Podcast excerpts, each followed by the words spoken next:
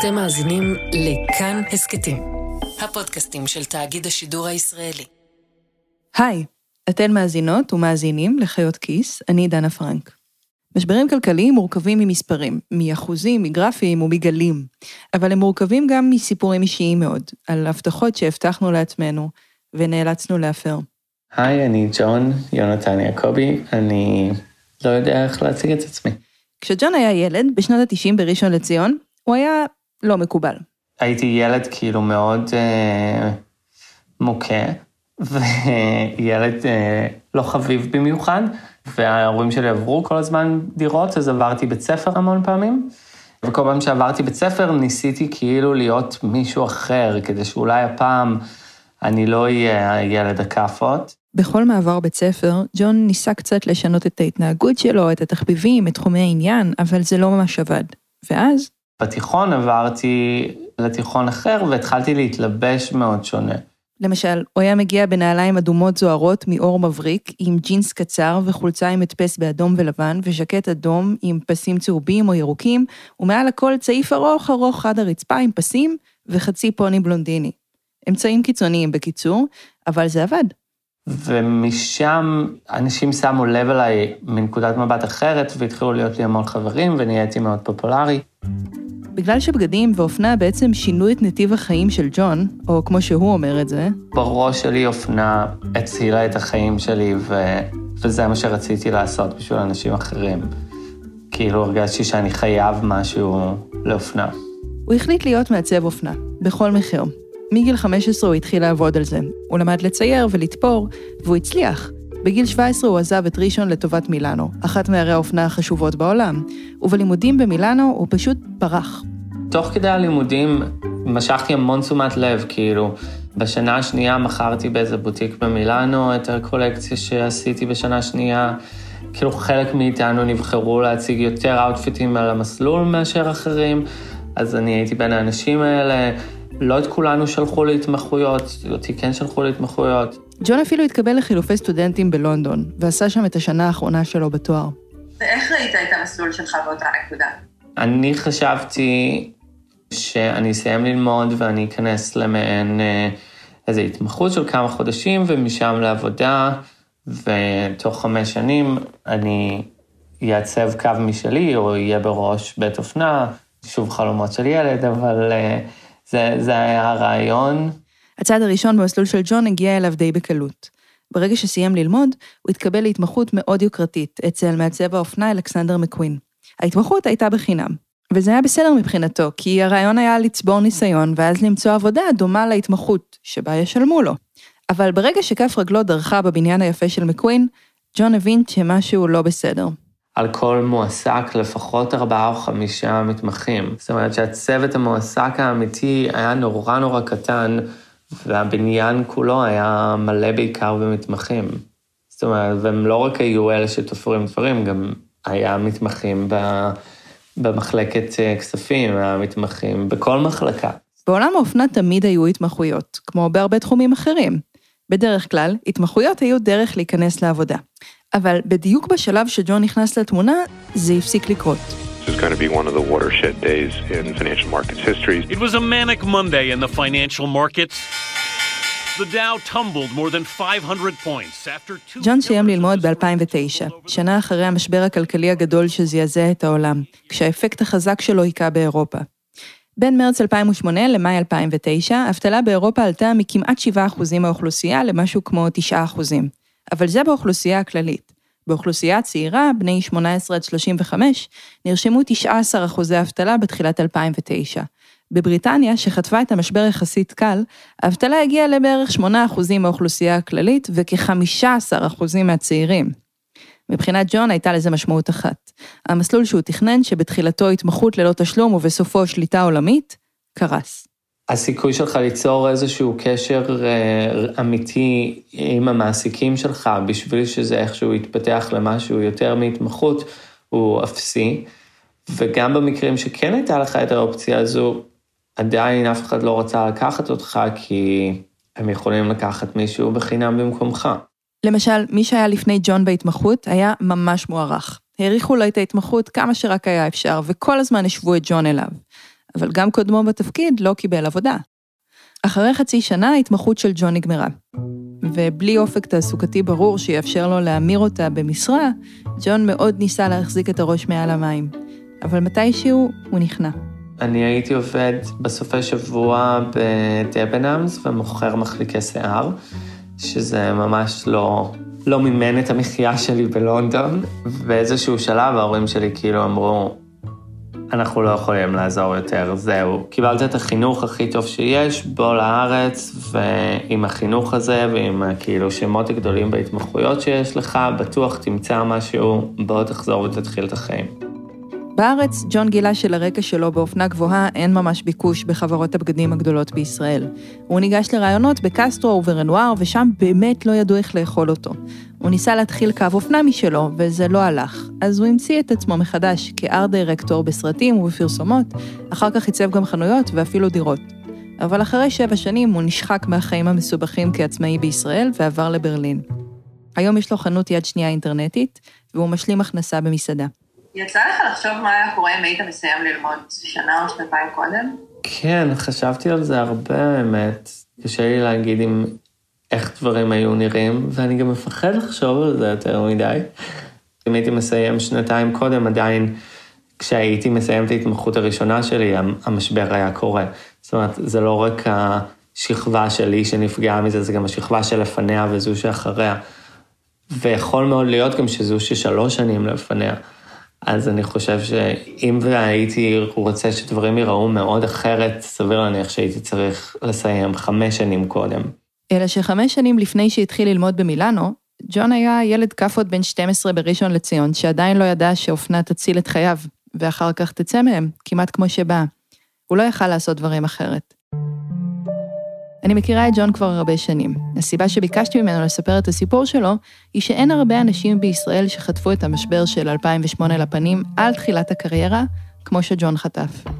בארץ המשבר הזה היה כמו אדווה גדולה, שבאה וחלפה. אבל עכשיו אנחנו במצב חדש, שבו משבר כלכלי שמגמד את 2008 נפל על הפלנטה. ממה שאנחנו יודעים ממשברים קודמים, הזעזועים האלה קשים במיוחד למי שנמצאים בתחילת הקריירה שלהם. מי שיצאו לשוק התעסוקה בתחילת משבר כלכלי, הם בדרך כלל אנשים שקשה להם יותר למצוא עבודה בתחום שלמדו, להתקדם, ולפי מחקרים מסוימים, אפילו להיות בריאים. אז היום בחיות כיס, נסתכל על הדור שעשוי ללכת לאיבוד בעקבות המשבר הכלכלי של הקורונה, ונדבר עם מי שמנסה איכשהו לתמוך במי שחטפו אותו.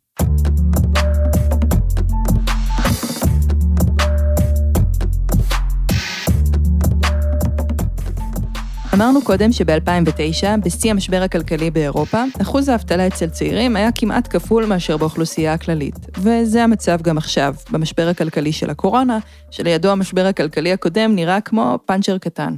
בארצות הברית 11% מהאוכלוסייה הכללית היו מובטלים ביוני האחרון. באוכלוסייה הצעירה זה היה קצת יותר מ-20%. בישראל, באפריל, 44% מהמובטלים היו מקבוצת הגיל 18 עד 35. צעירים פוטרו יותר משהוצאו לחל"ת, כלומר במקרים רבים יותר, המעסיקים ויתרו קודם כל עליהם. צעירים גם חזרו לעבודה בשיעור נמוך יותר. לפי דוח שירות התעסוקה מסוף יוני האחרון, רק 20% מהצעירים חזרו לעבודה, פחות מבכל קבוצת גיל אחרת. למה זה קורה? כי צעירים הם פשוט פגיעים יותר. כמו שג'ון גילה על בשרו, כשאתה עובד לא מיומן, אתה שווה פחות, בר החלפה יותר.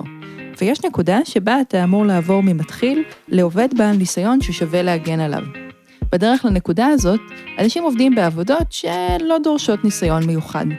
בהכללה, אלו עבודות שעושים מי שנמצאים בתחילת הקריירה שלהם, בדרך כלל אחרי הלימודים, בשלב שבו הם לא תכננו למלצר, אלא להתחיל לעבוד בתפקיד ראשוני במסלול ההכשרה המקצועי שלהם. בעולם המשפטים או חשבונאות זה אומר התמחות. בעולם התקשורת זה אומר להיות תחקירנית או מפיקה. עבודות קטנות יותר בשכר נמוך יותר, שאפשר לאט-לאט לעלות מהן. אבל כשאין עבודה בתחום שלכם, כי אין עבודה בכלל, השלב הזה של עבודות סטודנטים או התמחויות מתארך עוד ועוד. וכשזה קורה, קורות החיים של דור שלם מתקצרות. אפילו אם התחלתם להכניס כסף בגיל 17, לפני הכל. זה כנראה היה בעבודה בתחום השירותים, מה שנקרא אחמ"ש בקפה קפה בקריון. עבודות שלא בהכרח רלוונטיות לקורות חיים כשתנסו לקבל מה שמכונה עבודה אמיתית. אחר כך יש שירות צבאי, אחר כך לימודים, והרבה פעמים העבודות הראשונות ברזומה שלנו הן מאמצע שנות ה-20. העבודות הראשונות האלה חשובות מאוד עבור מי שיקראו אחר כך את קורות החיים שלנו, המעסיקים. האינפורמציה לגבי המידה שבה העיכוב בכניסה לשוק העבודה והשכר הנמוך שאותם עובדים מקבלים עם כניסתם לשוק העבודה, היא שורטת אותם. בביטויים אנגליים מדובר בסקארינג, מהמילה סקאר, צלקת. זה פרופסור בנימין בנטל, הוא ראש ענף מקרו-כלכלה במכון טאוב. האינפורמציה לגבי הכניסה המאוחרת לשוק העבודה והשכר הנמוך במשרה הראשונית רודפת אחרי העובדים בקורות החיים שלהם. מעבידים עתידיים המסתכלים בקורות החיים רואים את הנתון הזה ושוכחים שמדובר על שנה שבה היה קשה מאוד להיכנס לשוק העבודה ולכן מייחסים את הנתון ליכולתם של העובדים ולא לסביבה הקשה שבה הם נכנסו לשוק העבודה. זה מעכב כמובן גם את הקריירה העתידית של אותם עובדים. בנימין מתייחס לשני מחקרים עיקריים שבדקו מה קרה לקריירה של אנשים שאיתרע מזלם לצאת לשוק התעסוקה בזמן משבר. 1982, למשל, הייתה שנה של שפל כלכלי בארצות הברית. שני חוקרים מאוניברסיטת נורף-ווסטרן, פון וכטר ושוונט, בדקו מה קרה עם כארבעה מיליון בני אדם שיצאו לשוק התעסוקה בשנה הזאת, לאורך 40 שנה. המחקר האחרון שלהם יצא ממש בתחילת השנה הנוכחית. במחקר של פון וכטר ושוונט, הם קבעו שחסרי המזל שיצאו לשוק ב-1982 ספגו אובדן הכנסות של כ-8 עד 6 אחוזים באופן מיידי. אבל הפער הזה המשיך ורדף אותם לאורך כל החיים. הם תמיד הכניסו פחות בגלל אפקט קורות החיים, הצלקת שבנימין דיבר עליה, המחיר של הכניסה המאוחרת לשוק העבודה. וזה עוד לא החלק המטריד ביותר בסיפור. למחזור של מחוסרי המזל היה סיכוי פחות להביא ילדים לעולם ולהקים משפחה. הם נוטים יותר לסבול מבעיות בריאות, והצפי הוא שתוחלת החיים הממוצעת שלהם תהיה נמוכה יותר. למה? איך הפרש כל כך קטן של שמונה עד שישה חודשים בסך הכל מתרגם לפער כל כך גדול בחיים? אחד הגורמים הוא באמת אפקט קורות החיים שהזכרתי קודם, אבל יש עוד גורם, התמעטות שלבי הסולם. בשנים הראשונות של חיי העבודה של פרטים רבים, הם מחליפים מקומות עבודה לעיתים תכופות. בתהליך הזה הם מוצאים בסופו של דבר את המקום המתאים להם, וכמובן בשכר הגבוה ביותר שאותו הם יכולים לקבל. היכולת לעבור משלב לשלב כאשר אה, שוק עבודה נמצא בשפל קטנה בגלל היעדר הזדמנויות, ולכן המרחק בין השלבים באותו סולם עלייה במהלך הקריירה, הם הולכים ומתרחקים מזה מזה. בנימין מדבר על מצב שבו אנשים מחפשים את עצמם. הם יוצאים לשוק התעסוקה עם איזשהו תואר ומתחילים לעבור בין עבודות, לפעמים בין ענפים שונים, עד שבעולם מושלם, הם מוצאים הלימה אופטימלית בין מה שהם רוצים לעשות, יכולים לעשות, בשכר שהם יכולים לחיות איתו. בעולם שבו יש פחות הזדמנויות, לא רק שהסיכוי שלך לקידום נמוך יותר, כי הבוס שלך לא יקודם ולא תיקח את מקומו, גם אין גמישות שמאפשרת לך לעבור בין כמה מקומות, עד שתמצא בוס רופף שתוכל מתישהו להחליף. מחקרים דומים שנערכו על הדור שיצא לשוק התעסוקה ב-2008 עדיין לא יכולים להציע רמה כזו של ניתוח, פשוט לא עבר מספיק זמן. אבל אנחנו יודעים היום שהדור הזה, לא רק בני המחזור של ג'ון, אלא גם מי שחטפו בפנים את משבר הקורונה, שונים מאוד בהתנהלות שלהם מהדור שבא לפניהם. הם מלכתחילה יציבים פחות, נוטים לעבוד במספר עבודות במקביל, ומתייצבים רק בשלב מאוחר בחיים. וכשממש לפני השלב הזה מגיע משבר כלכלי כל כך חריג, כמו הקורונה, זה מתחיל להיות בעייתי.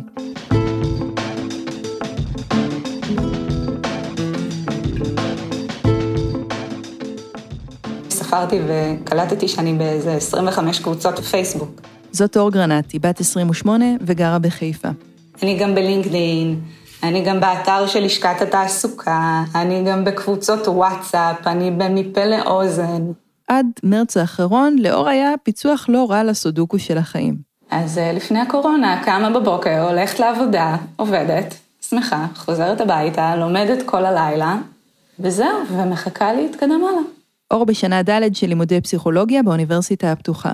בשלוש השנים האחרונות, העבודה שלה הייתה להיות מנהלת אירועים וכוח אדם במסעדה. זאת עבודה לא קלה, אבל אור ממש עפה עליה. היא הייתה מאוד מותאמת לכלים וליכולות שלה, ובאמת נתפרה בשבילה. היא אמנם עבדה ביום ולמדה בלילה, וישנה מעט, אבל החיים שלה היו בכיוון טוב. היא תכננה לסיים ללמוד בשנה הבאה, ולהמשיך ישר לתואר שני, ומשם להשתלב במחקר אקדמי של פסיכולוגיה קוגניטיבית. הכל כבר היה לה מתוכנן. ואז זה קרה. המסעדה שאור עבדה בה עברה למתכונת משלוחים עם שני עובדים בלבד, ואור פוטרה. עכשיו, היא לא יכולה להרשות לעצמה לממן את הסמסטר הבא. היא הקפיאה את הלימודים עד שתוכל לחזור לעמוד על הרגליים, ובארבעת החודשים האחרונים השקיעה את עצמה לגמרי בחיפוש עבודה. כל עבודה שלא תהיה. אבל היא פשוט לא מוצאת כלום. שום דבר. אני מחפשת כל עבודה, כן? כל אחד רוצה עבודה ש... שתעשיר אותו ותיקח אותו למקום אחר.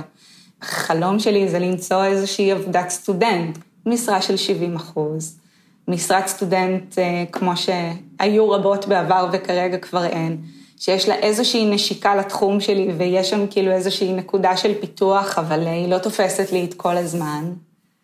זה לא קיים כרגע, אז עברתי כבר את כל השאלה, עברתי מהר מאוד, אני כבר בסוף מרץ הגעתי לנקודה הזאת של פשוט תביאו מה שיש, אור היא בת יחידה לאם חד-הורית, אז היא צריכה להיות קצת בררנית לגבי הפרנסה שלה.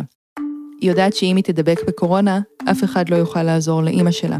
אז היא מחפשת משרות עם חשיפה נמוכה לאנשים, במקומות עבודה שיש בהם יחסית מעט עובדים, או כאלה שעובדים בקפסולות או עובדים מהבית. דמי האבטלה שלה היו אמורים להיפסק החודש, אבל כרגע נראה שהממשלה תאריך אותם בקצת. אף אחד לא יודע כמה זמן יהיו דמי אבטלה. לכן אור שולחת כל היום קורות חיים. בהתחלה היא הרגישה שהיא כנראה מפספסת משהו. לא יכול להיות שהיא פונה לכל כך הרבה מקומות ופשוט לא חוזרים אליה. אנשים שכבר כמוני ארבעה חודשים מחפשים ויש להם את כל הכלים. יש לי את הניידות, אני צעירה, יש לי את האנרגיה, יש לי את הזמן הפנוי, יש לי הרבה מאוד כלים גם. ועדיין אנחנו לא מצליחים, אז זה לא אנחנו. מישהו צריך מלמעלה אה, לסדר קצת את מה שקורה שם, לפי דעתי. יש כל מיני דברים שאור חושבת שלא יסתדרו מעצמם, בלי עזרה ממשלתית כזאת או אחרת. אחד מהם ממש פתיר וממש ממש מעצבן, איך משרות מופיעות באתר לשכת התעסוקה. כן, זה נשמע ממש קטן ובנאלי, אבל כרגע אור אומרת שהיא סורקת עשרות מודעות ביום, וברובן רק בסוף המודעה היא מבינה שזה בכלל בירושלים או בנוף גליל או משהו כזה. התוכנית של אור אולי התעכבה קצת, אבל היא מקווה שלא בהרבה. היא מקווה שמתישהו בקרוב היא תוכל להתניע מחדש, לחזור לעבוד, ואז לחזור ללמוד, להמשיך ללכת במסלול שהתוותה לעצמה. בינתיים ממשיכה לנסות למצוא עבודה באזור חיפה. אדמיניסטרציה, כוח אדם, גיוס עובדים, או באמת כל דבר. אבל זה לא שאם אור הייתה עוזבת את חיפה ועוברת למרכז, איפה שרוב התעסוקה בארץ נמצאת, המצב היה בהכרח יותר טוב. מהי עבודת חלומותיך? אני אפילו לא יודע, את יודעת? אני הייתי בטוח שתערוכת הבוגרים, יבואו כל מיני אנשים שמחפשים כל מיני כישרונות, ואני אהיה בדיוק מי שיקלע לטעם של הבוס העתידי שלי. Mm-hmm. וזה היה לי מעין, אה, ידעתי שזה פנטזיה, יש מצב זה לא יקרה, אבל ממש ממש רציתי. דין לנר הוא מאייר ובוגר בצלאל, בן 30 שגר בתל אביב. במהלך שנות הלימודים הוא התפרנס ממלצרות. הוא סיים ללמוד בקיץ שעבר, והמשיך למלצר בזמן שהוא חיפש עבודה. האמת שלקח לי חודש להבין, אחרי שיצאתי מבצלאל, שלא תבוא איזה לימוזינה או איזה כרכרה עם סוסים לאסוף אותי לעבודת החלומות. לקח לי אשכרה חודש-חודשיים להבין את זה. למצוא עבודה בתור מאייר זה לא פשוט, ולכן דין חשב בשלב מסוים לעבור לגרמניה ולהתחיל תואר שני.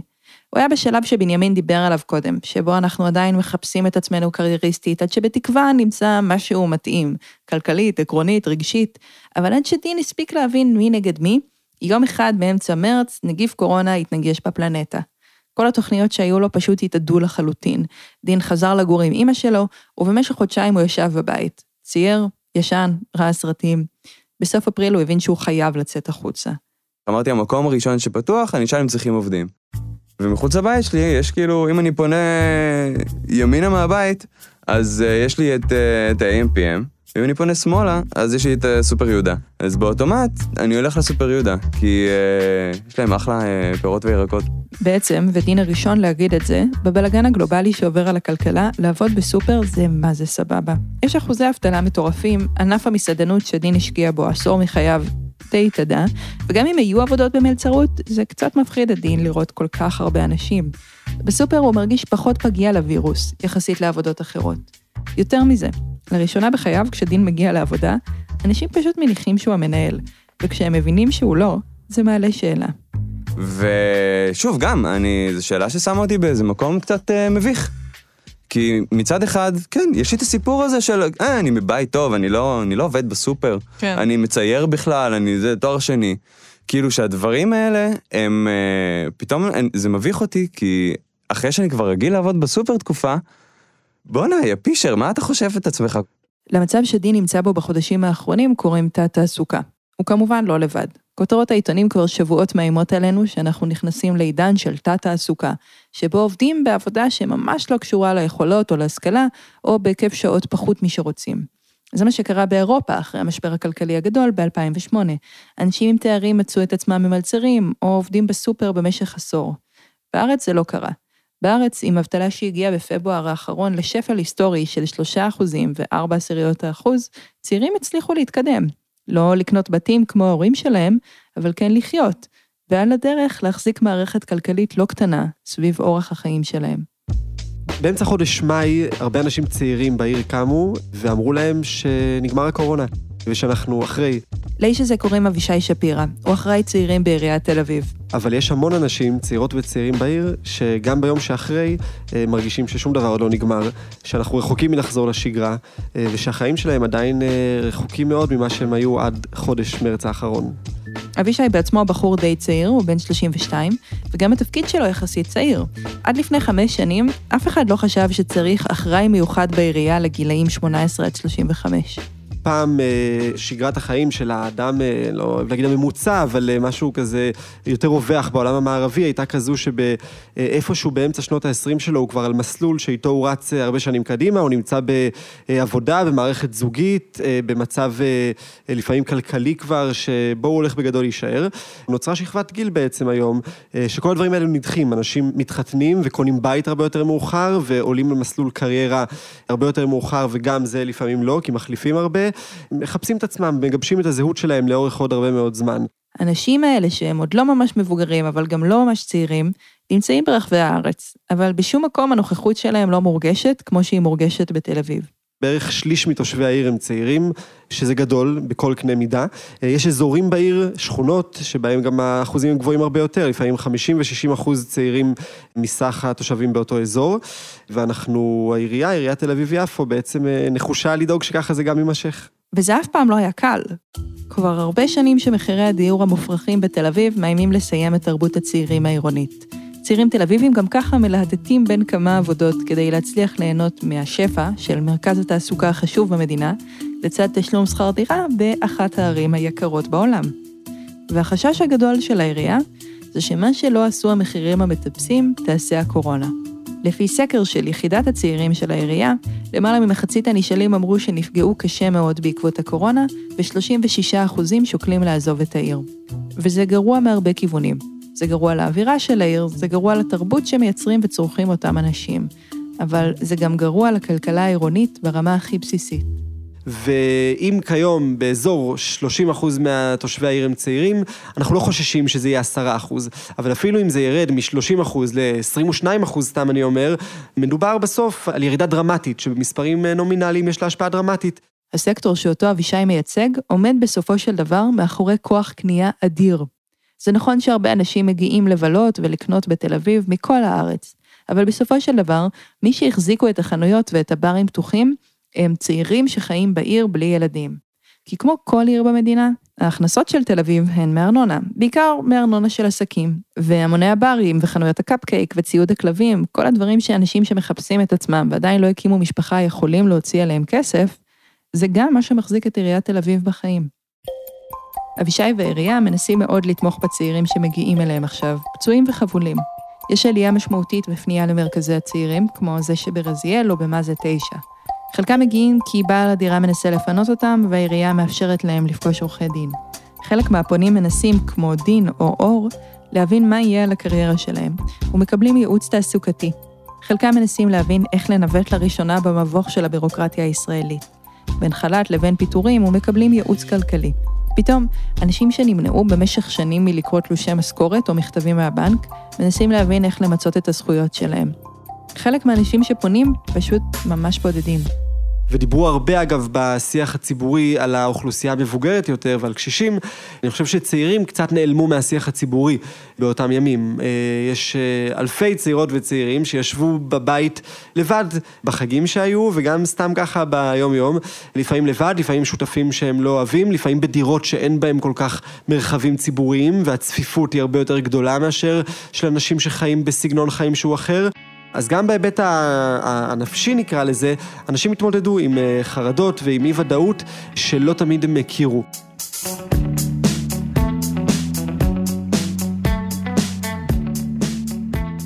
בנימין בנטל, שדיברנו איתו מקודם, ממכון טאוב, הוא פרופסור אמריטוס, כלומר, בפנסיה. כששאלתי אותו מה יהיו ההשפעות ארוכות הטווח של המשבר עכשיו, האם זה יהיה כמו המשברים הקודמים שראינו, הוא ענה... אלה יהיו המחקרים שיצאו כשאולי את תהיי בגילי. ב-2006 יצא מחקר שנקרא "האם השפעת הספרדית הסתיימה?". מגפת השפעת הספרדית כמובן הסתיימה. היא השתוללה בארצות הברית בין 1918 ל-1920, לפני כמאה שנה. אבל החוקר דגלס אלמונד בדק נתונים משנות ה-60 עד ה-80, והשווה בין הסיכויים של מי שנולדו באזורים שנפגעו קשה מהמגפה, לאלו שנולדו באזורים שנפגעו קל יותר. המסקנות החותכות שלו היו שכן, בהחלט, ההידרדרות הכללית, הכלכלית, החברתית והבריאותית ליוותה אנשים עד הפרישה. סקר של קרן רוטשילד מצא שכ-16% מהסטודנטים שוקלים לפרוש מהלימודים בגלל קשיים כלכליים. לעומתם, כרבע מהעונים לסקר אמרו שהם שוקלים להחליף את המסלול שלהם לתואר במקצוע מעשי יותר. פחות עיצוב אופנה, פחות איור, יותר סיעוד ורפואה. וגם ההחלטה הזאת עשויה מאוד לשנות את שוק העבודה, כמו שאנחנו מכירים אותו. אנחנו הרבה בשנים האחרונות דיברנו על שוק העבודה המשתנה. דיברנו על זה שא', שהדור שלנו, הדור הצעיר, מה שחשוב לו בעבודה זה לא הקביעות והרבה פעמים גם לא השכר בהכרח. אנחנו רוצים לבטא את עצמנו, להיות במקום שמכבד אותנו, שבו אנחנו יכולים לבוא לידי ביטוי, שבו נעים להגיע לעבודה, שהתרבות הארגונית מוצאת חן בעינינו. פתאום ביום אחד, כל התקופה הזו, פתאום גרמה לנו להיזכר שגם הדברים שדיברו על זה שההורים שלנו היה להם מאוד חשוב, מקום עבודה קבוע, שיש לך בו אולי קביעות, אה, לעבוד כחלק מארגון גדול, שאומנם אתה צריך לעבוד לפעמים מ-8 עד 4, אבל אתה נמצא במקום שהוא יציב וגדול יותר. ובכלל, באופן שהוא קצת מפתיע, אבישי דווקא לא לגמרי פסימי. הוא חושב שהרבה צעירים ניצלו את המשבר כדי להבין את המציאות בצורה טובה יותר. ושיכול להיות שמהצד השני יבואו שינויים חיוביים ולא רק שליליים. משהו בעצירה הכפויה של הכלכלה אפשר לחלק מהאנשים לחשב מסלול מחדש. דין, המאייר הקופאי, אגב, יצא לא מזמן מהארון התעסוקתי. הוא כתב פוסט ארוך ומפורט בפייסבוק על חוויותיו מאחורי הקופה עם חולצה של סופר יהודה. בפוסט הוא כתב, בהתחלה רק רציתי לשים תמונה שלי עם החולצה ולכתוב בואו להיות בוגרי בצלאל. אבל אז הוא הבין שהוא לא יכול לחזור לאחור, משהו באופן שבו הוא תופס עבודה השתנה לתמיד. אני עכשיו קופאי, לפני חצי שנה מלצר, ועוד חצי שנה לא יודע, אולי אני אה, אקטוף אה, קלמנטינות. אבל מי אני ומה אני לא קשור ל... לעבודה שמכניסה לי כסף הביתה. אני יותר מאיזה חולצה אני לובש, אם זה חולצה של הסופר, אם זה מכופתרת של העגלות שהייתה לי, או כל חולצה אחרת. Mm. וזה מאוד משחרר. מאוד משחרר. היו לי מחשבות לפני שמצאתי את העבודה בסופר, אולי אני אעבוד במפעל, אולי אני, לא יודע, אמרק אה, ברגים כל היום. וגם עם זה השלמתי. ולאט לאט אני מכין את עצמי לחיים של... אה, אני לא יודע מה תהיה העבודה שלי בעתיד, ואם תהיה לי עבודה קבועה ליותר משנה-שנתיים, אין לי מושג. אבל אני בסדר עם זה. אנחנו עדיין לא יודעים היכן כדור השלג של המשבר הכלכלי הנוכחי ייעצר. אולי המעסיקים של עוד עשור יסתכלו על פער בקורות החיים בחמלה, כי הם יזכרו מה זה היה להיות בקורונה, עד כמה לא יציב ומעורער זה היה. אולי כל המסלול התעסוקתי ייראה פתאום חשוב פחות, והאנשים יעריכו אחד את השני לפי התחביבים שהם פיתחו בסגר. אבל את הצלקות כולנו נסחוב עוד הרבה, הרבה זמן.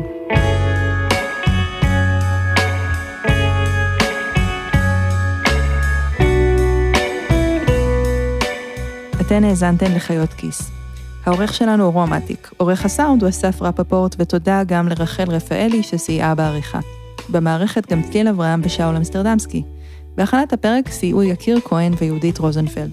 אם אתם מלצרים מבועתים או בנקאים שלא רוצים שאיפסטרים יבואו לעבוד איתם, בואו לקבוצת חיות כיס. כן, צריך להמתין, אבל כשנכנסים זה כיף לאללה. כל פרקי חיות כיס ובכלל כל ההסכתים הבאמת מעולים של כאן זמינים בכל אפליקציות הפודקאסטים וגם באתר כאן. אם אתם רוצים להכיר עוד פודקאסטים שלנו, מוזמנים לקבוצת הפייסבוק כאן הסכתים. אני דנה פרנק, תודה שהאזנתם.